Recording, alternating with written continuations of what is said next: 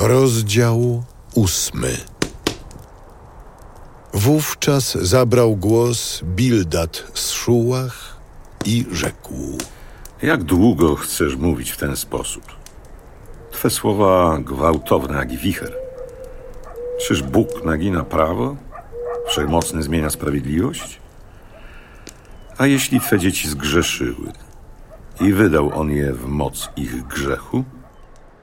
Jeśli do Boga się zwrócisz i błagać będziesz, wszechmocnego, jeśli jesteś czysty, niewinny, to on zaraz czuwać będzie nad tobą.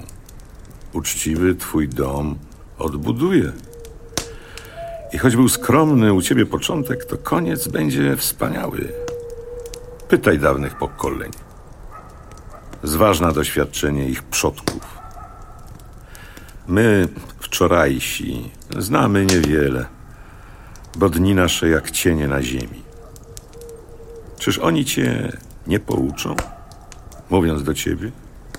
A słowa ich czyż z serc ich nie wypłyną? Czyż rośnie papirus bez błota? Czy się krzewi sitowie bez wody? Jeszcze świeże, niezdatne do ścięcia. Wcześniej niż zieleń usycha.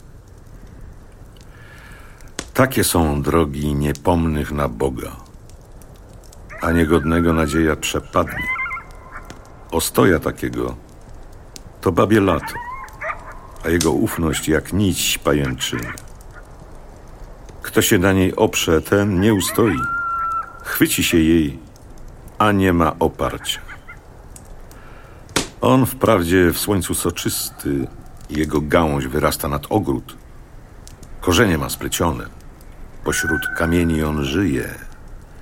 Gdy utniesz z jego podłoża, ono zaprzeczy.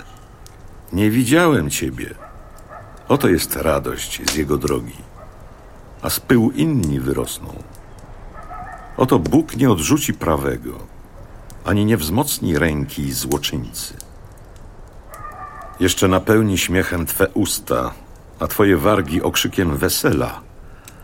Wrogowie okryją się wstydem, przepadną namioty występnych.